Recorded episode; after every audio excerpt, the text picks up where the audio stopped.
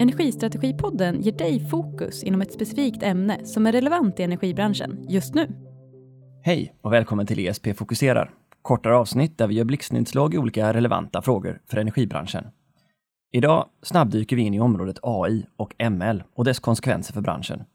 Företaget Neurolearn har sin grund inom AI-forskningen på Örebro universitet där man forskat i många år på ämnet.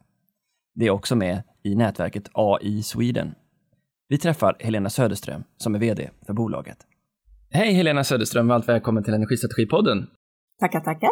Idag ska vi återigen prata om digitalisering, vilket vi gjort tidigare, och hur den kan tänkas påverka inte bara energibranschen utan även eh, industrin i sin helhet. Um, jag tänker vi går rakt på sak. Jag tror många är nyfikna på att förstå vad är AI och vad är machine learning? Åh oh, herregud, det var en svår fråga. Eh, men jag har ju fått den förr, kan man säga. Eh, ja, nej men AI är ju ett eh, jättebrett begrepp och jag tror att till och med de som forskar i det faktiskt inte vill svara på den frågan. Och jag är ju då affärsutvecklare och, och så, så att jag ska inte heller göra anspråk på att definiera det. Men ehm, man kan väl säga att vi brukar, vi brukar säga när vi träffar kunder att det är ju liksom ett det är kognitivt intelligenta maskiner, kan man säga. Det är det breda liksom. Och AI kan ju vara allt ifrån robotikapplikationer, mönsterigenkänning, bildigenkänning, röst och ljudigenkänning och att hitta mönster i, i stora mängder data. Så att AI är jättebegrepp och machine learning är en del i AI. Kan säga. Machine learning och deep learning som har kommit de sista kanske tio åren är ju det som har gjort att det har blivit en explosion. Liksom att alla pratar AI, det, det är nog det här sista. Vi pratar ju om det som två olika begrepp, men hur många olika varianter av det här finns det? Jag antar att man kan då titta på bildigenkänning som du nämner, man kan lyssna på ljud, man kan eh, bara ta data och se om den återkommer. Eh, det måste finnas en rad olika varianter. Ibland låter det som för en otränad att man bara tar AI så applicerar man det på en datamängd ja. så är det klart. Nej, det är en jätte, jättestor verktygslåda och, och det är liksom eh, ja, allt från, från eh, tidsserieanalyser till, eh, till jag menar, olika statistiska analyser som är ganska automatiserade och eh, avancerade och, och sen så som sagt bild och video. Men mina, mina ingenjörer som jag jobbar med, de brukar liksom komma ofta tillbaka till att det, det, verktygslådan spelar inte egentligen så stor roll. Eh, det är ganska mycket matematik, det, man behöver förstå, det finns, det finns en, en ehm, numera ganska välutvecklad verktygslåda som de stora teknikjättarna hjälpt till att liksom utveckla också. Så så att det räcker egentligen att man förstår den verktygslådan. Sen kan man eh, vara lite nyfiken och prova olika, för det är ju kanske för att lösa ett problem kan man behöva använda flera av de här olika verktygen och olika eh, teknikerna egentligen. Så att eh, ja, det är inte, det, AI är inte sådär, sådär enkelspåret, det är mer iterativt. Vi har hört flera av de stora tankeledarna i världen prata om AI och dess potential och med både häpnad och eh, förskräckelse. Eh, som du ser det, vad är, vad är den långsiktiga potentialen för AI om vi sätter den i, i vår kontext i Sverige och för industrin? Ja, jag, jag är helt... Eh, alltså jag är, på ett och ett halvt år när jag, när jag satt mig in i AI och vad det verkligen är så är jag helt... Eh, jag är helt säker på att det är en game changer. För det är för oss och det är för, och det är för alla branscher, alla länder, alla typer av jobb egentligen. Liksom. Um, och för att göra det enkelt när jag, när jag pratar med mina barn eller, eller vad det kan vara så brukar jag tänka liksom så här, ja men internet. Vad var internet 92, 93, 94, 95 liksom? När jag gick ute, alltså, eller började på högskolan och sådär. Ja, det var ju svårt att göra hemsidor. Det tog flera månader liksom. Eh, nästan ingen hade e-mail och, och så. Um, och sen så i början av 2000-talet så var det ju ganska många som började med e-commerce och de flesta hade hem, hemsidor och så vidare. Liksom. Och nu så kan liksom till och med jag som inte är ingenjör göra en hemsida på, på någon dag kanske. Så att, och du vet, det kanske fanns tio hemsidor 92, nu finns det en miljard liksom. Så att, eh, och jag, och det är samma med AI, så skulle jag vilja säga att vi, och man kan säga så, vi är inte i början, vi är inte på 92 nu vad gäller AI vi är kanske på 2000, 2005 eller någonting. Så att det, är, det är inte det att vi är i början på AI-resan, vi är precis mitt i det, det händer här och nu liksom. Men det kommer att vara, man säger Vinnova kom ut med en undersökning för inte alls länge sedan som sa att Sveriges tillväxt skulle kunna dubblas om vi använder AI till dess fulla potential, alltså gånger två. Och någon annan rapport jag läste från, jag tror det var Accenture som sa att eh, man trodde att de flesta företag, eller on average liksom, en produktivitetsökning på 32 procent. 2 procent, det är mycket. Så att det, ja, det, det har enorma, enorm potential skulle jag vilja säga. Kan du översätta det här då så att det blir lite mer konkret för oss? Vad är det för typer av exempel som det här kommer kunna lösa för oss? AI är perfekt kan man säga för att eh, synliggöra och finna mönster i stora mängder data. kan man säga. Och då kan ju det vara bilddata eller röst eller text eller sån här processdata som man har i, i, i sin verksamhet av olika slag. Um, sensordata. Uh, och med hjälp av det så kan man ju då se relationer till exempel mellan olika faktorer. Man kan göra prediktioner, alltså förutsägelser. Och man kan, eh, man kan finna objekt, finna fel, följa objekt, hitta avvikelser och så vidare. Så att man kan lösa många, många problem egentligen. Och ja, med hjälp av det kan man ju sen då optimera saker såklart, eh, automatisera saker, eh, göra bättre forecasts och så vidare. Så att ja, man kan hitta användningsområden i nästan var man än står. Om man har stora mängder data. Men sen är det också vissa som säger, ah, nej men jag, jag har inte ordning på mitt data så jag kan inte göra AI. Men så är det inte riktigt. Du sa till mig när vi pratade tidigare att eh, du ser dig själva som branschoberoende nästan. Ja, och det är både på gott och ont liksom. Eh, men eh, Neuraland, vi har i, i och med att våra forskare har hållit på med AI ja, 20 respektive 10 plus år. Och det, och det har hänt enormt mycket på sista tiden. Så för dem, de ser det ganska mycket som att, som sagt, kunna den här verktygslådan, eh, hålla sig ajour med alla nya verktyg som kommer ut, som är beprövade, veta vilka som funkar. Så att, eh, det är ganska branschoberoende faktiskt. Mm. Nästa fråga då är ju då hur det här kommer att påverka arbetsuppgifter och roller. Vad tror du om det? Vad kommer det här ha för konsekvenser? Du sa, nämnde ju automation tidigare, men var någonstans slår det här igenom som du ser det? I förlängningen, precis som som sagt med internet, så tror jag att det kommer att påverka både vårt privata liv och vårt arbetsliv eh, ganska mycket faktiskt. Eh, jag tror inte att datorer kommer att ersätta människor, så många eh, arbetsuppgifter egentligen. Det finns vissa arbetsuppgifter som är ganska repetitiva och enkla som definitivt eh, datorer kan göra mycket, mycket bättre. Eh, de blir inte trötta och liksom gör inte fel på samma sätt. Så det finns vissa saker som, jag tror att de flesta arbetsuppgifter kommer bli mer roliga faktiskt. Istället för att göra de här repetitiva och, och kanske tråkiga sakerna så kan vi ägna oss åt mer kreativa saker som människor är bättre på Eh, dra slutsatser, göra beslut, eh, jobba med eh, ja, människor. Om man tar en, tar en lärare till exempel, eh, för att ta en bransch som inte är industrin eller energi. Nej men tänk, de, istället för att sitta och rätta prov, då kan man jobba med eleverna, jobba med pedagogiken. Läkare istället för att sitta och analysera liksom, röntgenbilder eller data så kan man jobba med patienten och och, och hur man ska bota istället till exempel. Liksom. Så att, eh, och jag, jag tänker var du än jobbar med, om du så jobbar med lön eller om du är en maskinoperatör, så istället för att jobba med repetitiva uppgifter så kan du jobba med problemlösning. Det är oftast mycket, mycket roligare. Jag kan tänka mig att det finns en del trösklar kopplat till det här då, för en hypotes skulle vara att den där läkaren som sitter och bedömer en eh, ett, eh, en ögas, ett ögas sjukdomsbild finner mycket stolthet och glädje i just den analysen eller om du är en, en eh, systemspecialist att du sitter och övervakar ett system och att göra den analysen själv. Var befinner sig liksom branschen som du ser det i förändringsresan där mot, ja, för att liksom kunna ta emot den här tekniken? Nej, men jag tror det, det är ju därför att det går, det är ju helt klart säkert därför att det går lite långsamt. Behovet och efterfrågan kanske inte alltid finns där just, just av de skälen. Man är lite rädd för tekniken och man tror att tekniken inte kan lika bra och så vidare. Och, och jag tror att ett första steg, och det är det vi också brukar säga till kunderna, det är ett första steg är ju definitivt inte att ersätta människan utan att mer låta datorn vara ett expertstöd. Som man sen liksom, så får man ett resultat eller en rekommendation, kan man liksom, ja man kan antingen godta den eller så kan man välja att göra något helt annat.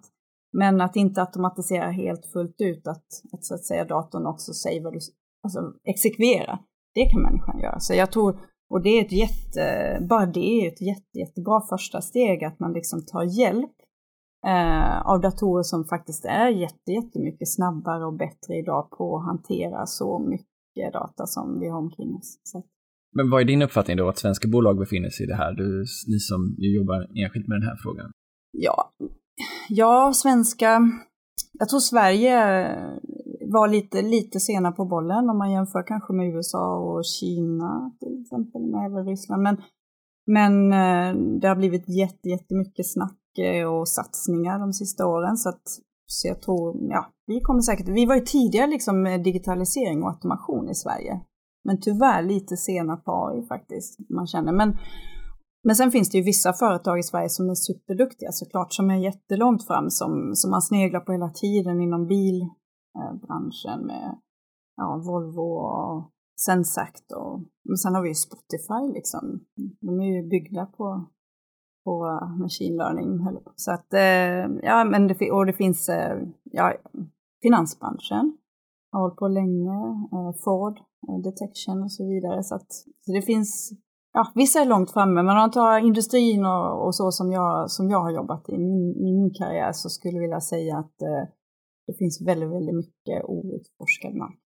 Energibranschen står inför en eh, stor omvandling just nu där det ska gå från, där det ska bli mer och mer prosumenter med solbatterier, vätgas och annat. Vilken roll kan man tänka sig att AI kommer att spela för möjliggörandet av en marknad där många ska samarbeta runt energibehovet och komplexiteten ökar? Ja, jag tror att det är ett lysande exempel. Jag, jag tror där finns eh, jag menar det, och jag skulle kunna tänka mig att man redan nu tittar på det här på olika sätt, men att just balansera tillgång och efterfrågan och, och många olika kanske informationskällor och, och det här med att ja, göra prediktioner och använda andra källor som, som satellitdata och väderdata och det ena och det andra. Så att, nej men här finns, det, det är ju en perfekt möjlighet skulle jag vilja säga. Här kommer en liten stickfråga Seb. Vad vad behöver man tänka på för att möjliggöra ett användande av AI? Vilka är, är redo att börja applicera AI? Finns det några sådana här liksom framgångsfaktorer du skulle kunna nämna någonting om när du träffar bolag som är intresserade av AI eller inte? Vad är, vad är det viktigaste för att komma igång?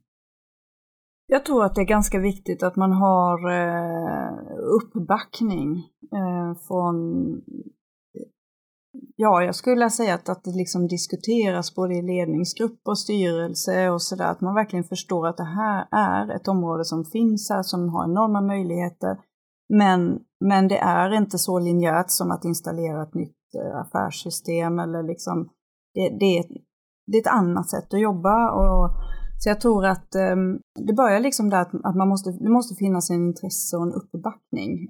Sen så är det klart att man behöver ha kanske viss form av eh, kompetens, beställa kompetens i alla fall så att man förstår vilka möjligheter och begränsningar man har. Där kan man ju ta hjälp också såklart, men, men en viss grundläggande kompetens tror jag också är bra att ha. Eh, och sen så, sen så kommer ju det här med data. Där är det så att visst, har man mycket data och strukturerad data så är det klart att ja, men det är väl bra. Men sen så är det ändå så att när man sätter igång med AI-projekt på riktigt då är ändå väldigt mycket av jobbet, det är min erfarenhet, att ordna upp datat. Så att jag menar, 50 till 70 procent av vår tid kanske är att hjälpa till med det i alla fall. Eh, så. Ehm, så jag skulle, jag säger inte att det är en showstopper. Data kan man också skapa. Vi börjar från noll ibland och skapar data i våra projekt. Så att, ehm, jag skulle vilja säga att när man ska komma igång så måste man ha intresse och någon form av bas kompetens kanske ganska högt upp i organisationen så att man får förbackning eh, för projektet och sen också att man fokuserar på någonting som är viktigt. Att man inte gör projekt, eh, sådana här proof of concept som sen blir stoppad i, i byrålådan när det var ett kul test. Nej, men alltså vad har man för utmaningar? Vad, vad har man för problem eller vad har man för möjligheter att göra kundupplevelsen bättre eller vad kan jag spara mycket pengar? Att man börjar i något område som betyder någonting. Liksom. Det tror jag är viktigt också. Varför är det så svårt att formulera tror du? Vad man kan göra? Är det en brist på fantasi eller en brist på insikt om tekniken? Ja, eller? ja jag tror det. Det är en eh, kombination. Mm, men man måste ju sätta sig ner först och spåna. Men framförallt, jag tror så här, hittar man då ett område till exempel. Jag tror, eh, ja men vi har, vi har mycket kvalitetsproblem till exempel i en viss eh, bit av, av verksamheten. Då, är det, då kan man börja tänka, okej, okay, varför har vi det? Och sen har man då som sagt grundläggande kunskap om vad man kan göra med machine learning, då börjar man snabbt kunna se, vi kan, har vi ett case eller har vi inte ett case? Liksom. Så att man behöver kanske viss eh, baskunskap inom AI, men jag vet också många som, som kanske engagerar sådana som, eh, som oss, eller det finns ju många eh, duktiga människor, det finns akademiker och allting, att man liksom tar in någon som kan, som kan ja, guida en fram. Liksom. Så den ena delen var då att kunna formulera den här strategiska visionen om vad det är man vill uppnå med den här tekniken exempelvis, då, eller för verksamheten som helhet. Och den andra delen det är att ha koll på sin datamängd. Och det är ju många ändå som under många år har formulerat det här med att data är det nya guldet. Ändå också är det nog trots allt så att det är många som inte har liksom, satt en förvaltning för sin datastruktur och klassat sin data. Vad tror du det beror på? Nej, men man har nog inte tänkt att man ska ha det för, här, för, för det här syftet. Man har kanske data i, i just de systemen eller de applikationerna som, som det var ämnat till från början. Liksom. Men sen sitter inte de systemen ihop och Eh, man kanske har bytt och, då liksom helt plötsligt så har man nya så att säga rubriker då för saker och ting. Eller, eh, så då blir det, och sen så gör man lite eh, manuella eh, ja, eh, var, man, man, man liksom klipper och klistrar lite så att det, så att det passar och så. Så jag, jag tror att det man har inte förstått, eller det är ju inte så konstigt, men man har ju kanske inte tänkt att man ska använda det för AI och då är det inte anpassat. Men så jag tror det är därför att oavsett sen när man verkligen ska, man ska sätta AI i produktion, då börjar man tänka på ett helt annat sätt kring, kring data. Men för att komma igång så tror jag helt enkelt att man får vara beredd på att en, en, en bit av projekttiden, som kanske är en, den större i början då, den kanske handlar om just att, eh, att sortera och ordna upp och, och strukturera. Och, men det som är häftigt är ju att man kan ju använda AI för det också. Så att det löser sig. Jag mm, tänker mig eh, med min bristande kunskap ändå att det går fort i utvecklingen av det här området. Eh, det stämmer eller? Ja, det, det är det som jag har förstått också. Jag, ja. Eh, men och, om man då, du får tro här nu då, så måste vi typ, om du får blicka fem år fram i tiden som ändå är en, en massiv tidsperiod sett i vad som händer hela tiden. Vad tror du eh, genomslagskraften av det här kommer vara? Nej, men jag tror eh, för just nu har vi ju AI vare sig vi vet eller inte i liksom alla våra applikationer på telefonen och datorn och Netflix. Och, jag menar, det, vi får ju rekommendationer och, och mycket i, i consumer, i B2C så att säga. Där är det jättemycket AI redan nu. Jag tror att de nästa fem åren, då kommer det i industrin. Då kommer, det, då kommer vi över den här liksom att vi vågar prova saker i även traditionella branscher och även kanske inte bara de här stora företagen som har massor med resurser utan för det blir så lättillgängligt nu um, när mycket är open source uh, och det finns många verktyg och så, så det blir mycket mer, uh, projekten blir lättare, snabbare och mindre risk. Så jag tror att vi kommer att se jag hoppas, kanske lite hopp också, men jag tror vi kommer att se mer små och mellanstora företag som tar jättesteg de närmaste fem åren. Tack så mycket för att du var med i Energistrategipodden Fokuserar. Tack själv för att jag fick vara med, jättekul. Energipodden produceras av Sigholm, din digitaliseringspartner för förändringsprojekt inom energibranschen.